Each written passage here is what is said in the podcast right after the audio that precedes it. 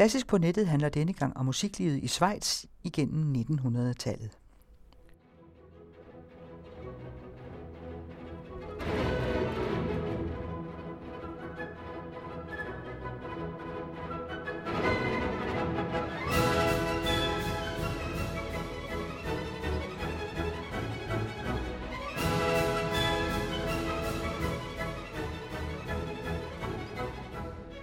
Omgivet af de store kulturlande, Frankrig, Tyskland, Østrig og Italien, har Schweiz i århundreder ligget i dvale rent musikalsk. Mens de fire omgivende lande igennem flere hundrede år sprøjtede verdens største komponister ud i hobetal, fra Rossini, Verdi og Puccini over Haydn, Mozart og Schubert, Bach, Beethoven og Brahms til Debussy og Ravel og mange, mange flere, for ikke at tale om alle dirigenterne, sangerne og musikerne, kom der stort set ingen fra Schweiz. De, der udtaler sig grovest om den sag, siger, at Schweizerne kun har forstand på kuguer og oste med huller i, og så bankaffærer. Så galt er det vel trods alt ikke, men det er alligevel mærkeligt og tankevækkende, så det kunne være interessant nok til, at man kunne kigge lidt på, hvordan Schweiz musikliv egentlig har fungeret. Og det var første stykke ind i 1900-tallet, at der begyndte at ske noget, da den unge dirigent Ernest Ansermet fik frie hænder til at starte et symfoniorkester – og det gjorde han så med udenlandske musikere, og han samlede dem rundt omkring efter devisen franske træblæsere, tyske og østriske messingblæsere og overvejende italienske og belgiske strygere, og det lyder for eksempel sådan her.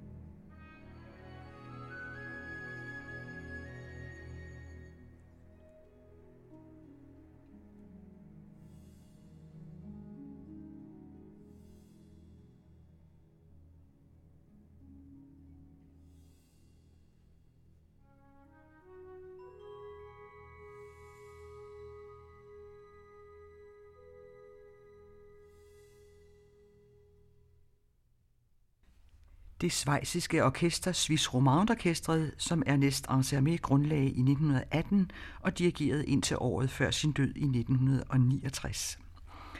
Det var stadig sådan i den periode, at man kunne karakterisere musikere og orkestre efter, hvor de kom fra. Der var den franske og den russiske skole for eksempel. Man kunne tydeligt høre det på klangen og fraseringerne.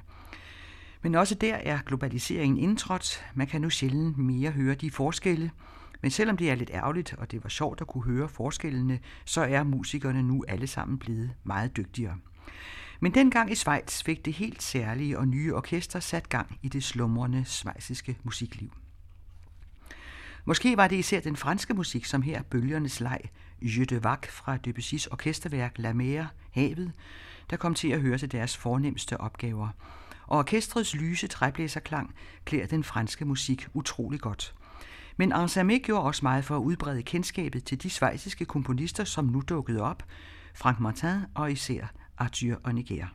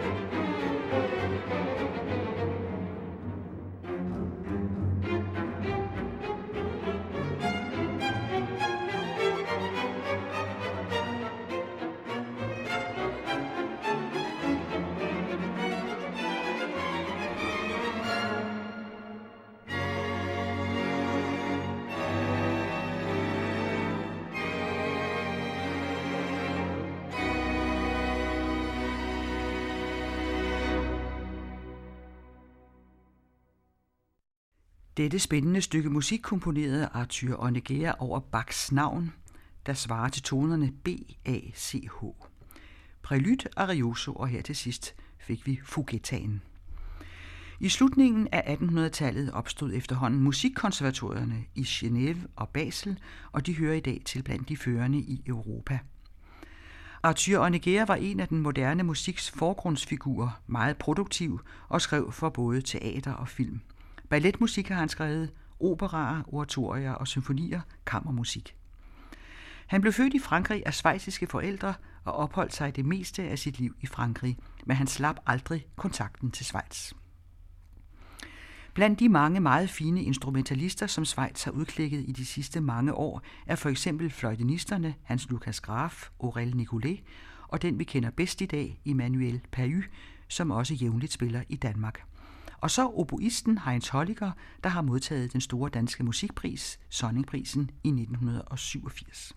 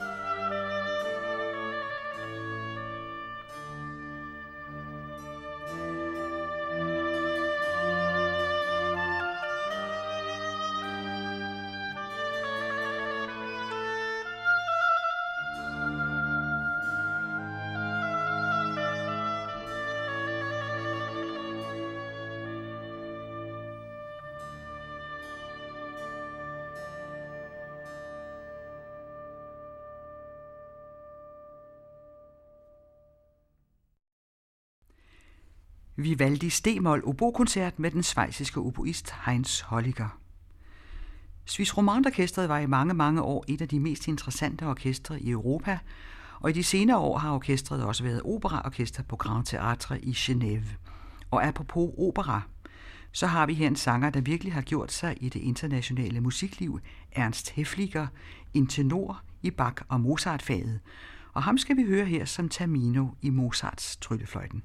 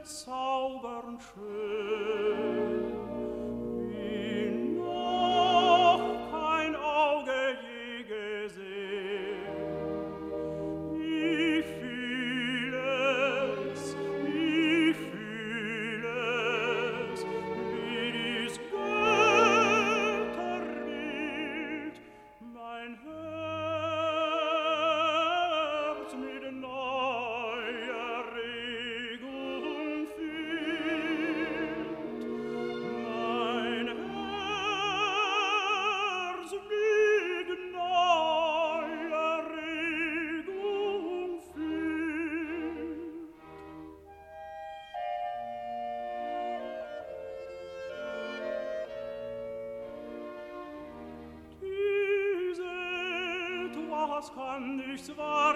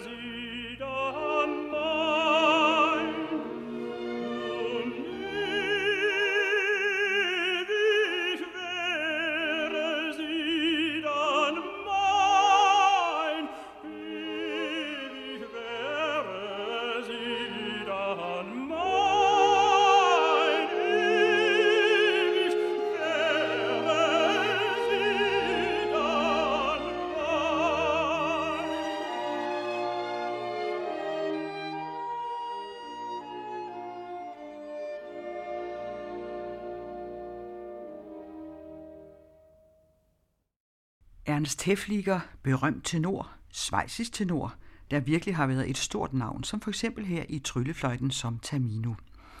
Men det siger stadig også noget om det meget lille musikliv, der har foregået i Schweiz i forhold til de omliggende meget store kulturlande. For til august 2012 bliver der afholdt den første konkurrence nogensinde i Schweiz. Priskonkurrence for unge operasangere. Og det er ellers noget, der sker mere eller mindre hver uge året rundt i Europa. Den konkurrence har fået Ernst Hefligers navn, efter han døde i 2007. Nu skal vi høre musik, som stort set alle kender, på den ene eller den anden måde, og det er musik af Rossini, som jo var italiener og fra Napoli, men som skrev en af sine mange operaer baseret på Wilhelm Tell.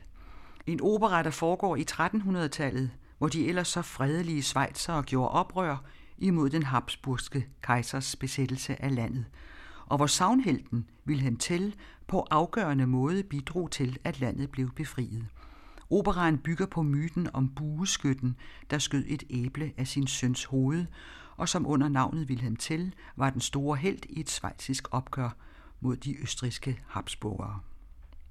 Det er der skrevet mange historier om, og flere skuespil, og forfatteren Friedrich Schillers udgave inspirerede Rossini til at komponere en opera med samme titel, som i dag bliver meget sjældent opført, men hvor de fleste af os kender overturen, og det er måske verdens kendteste overture, og det er ovenikøbet kun noget af den cirka 12 minutter lange overture, som man kender, men det gør man til gengæld også. Walt Disney brugte den, og den kan også høres som mobil ringetone, og mange har deres egen særlige tekst til den melodi. Her kommer den del af overturen, som den er, og som vi kender den.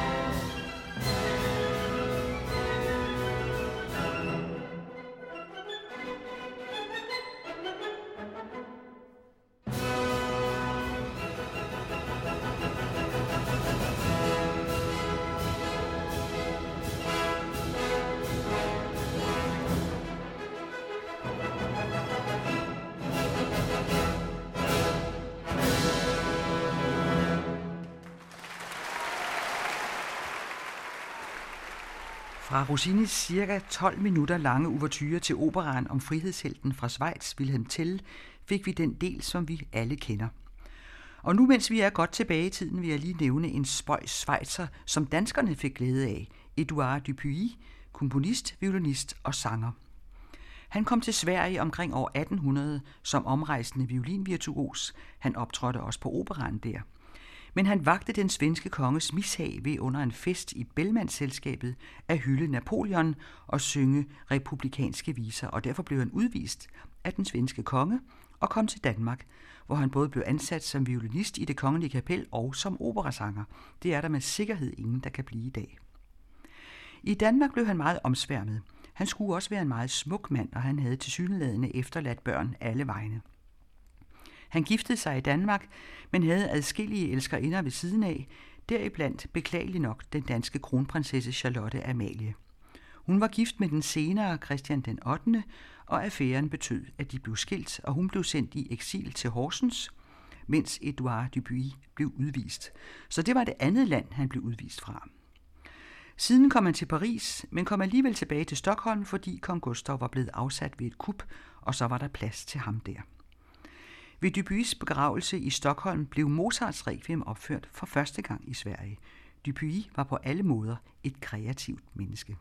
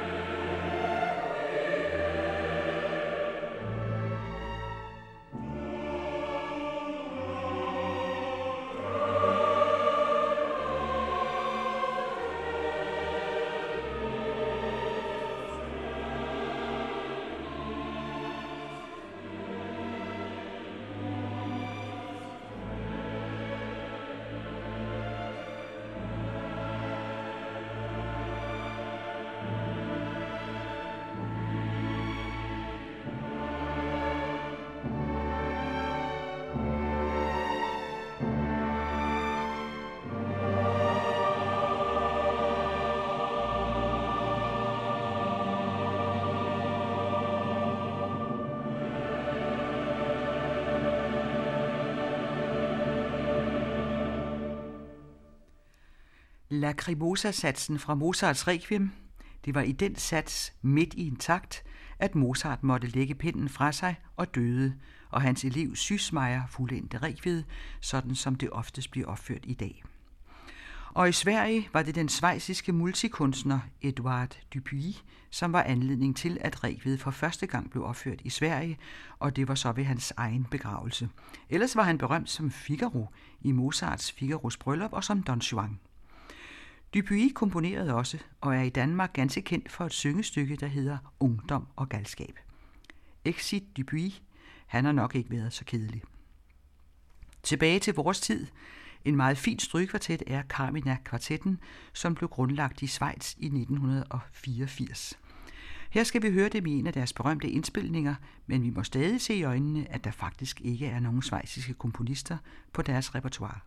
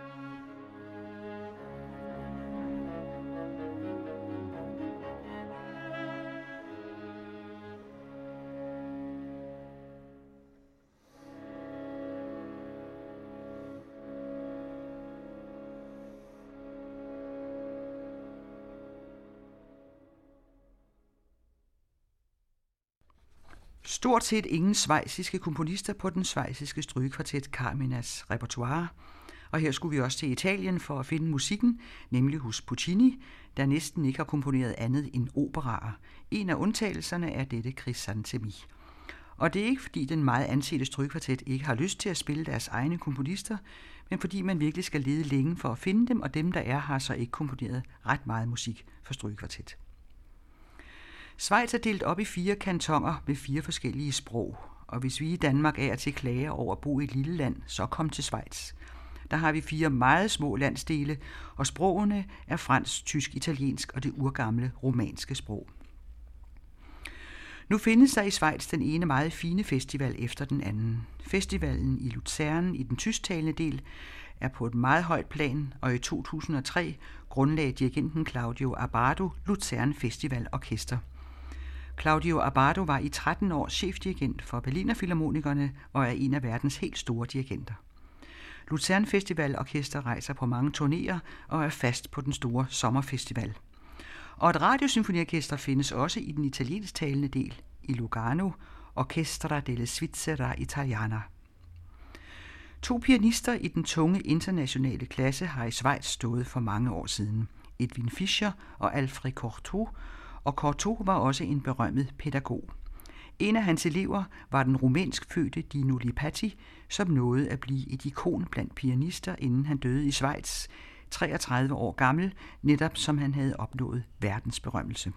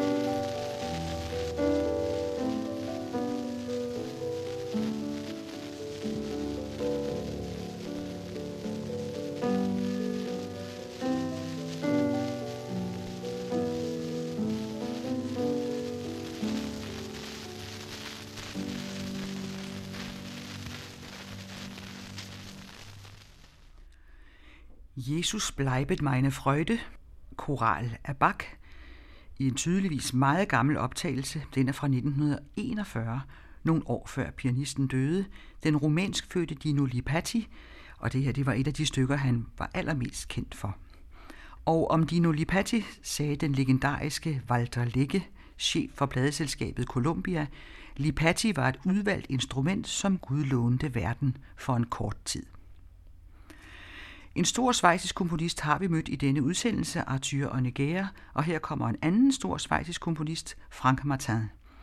Han har komponeret orkester- og kammermusikværker og mange vokalværker, operaer og oratorier, og de meget berømte monologer om Jedermann, et gammelt mysteriespil om enhver, som hvert år bliver opført på Salzburgfestspillene på Domkirkepladsen i Salzburg. En meget gammel tradition, som Frank Martin oplevede første gang i 1940. I 1910 var Frank Martin 20 år, og der komponerede han tre sange for bariton og orkester til digte af den franske digter Le Corne de Lille, og her til sidst skal vi høre Joseph van Damme synge en af dem, og det er netop med det svejsisk-italienske radioorkester, Orkester della Svizzera Italiana.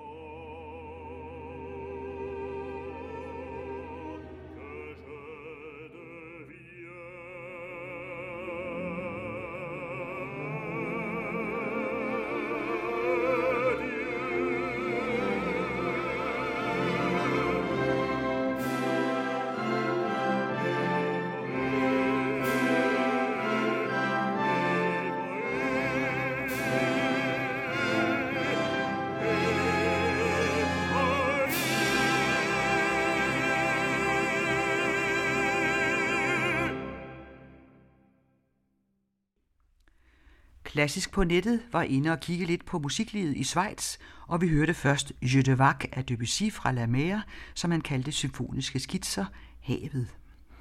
I Musici for Montreal spillede Fugettaen fra Arthur Onegers tre små satser over Bachs navn, B-A-C-H.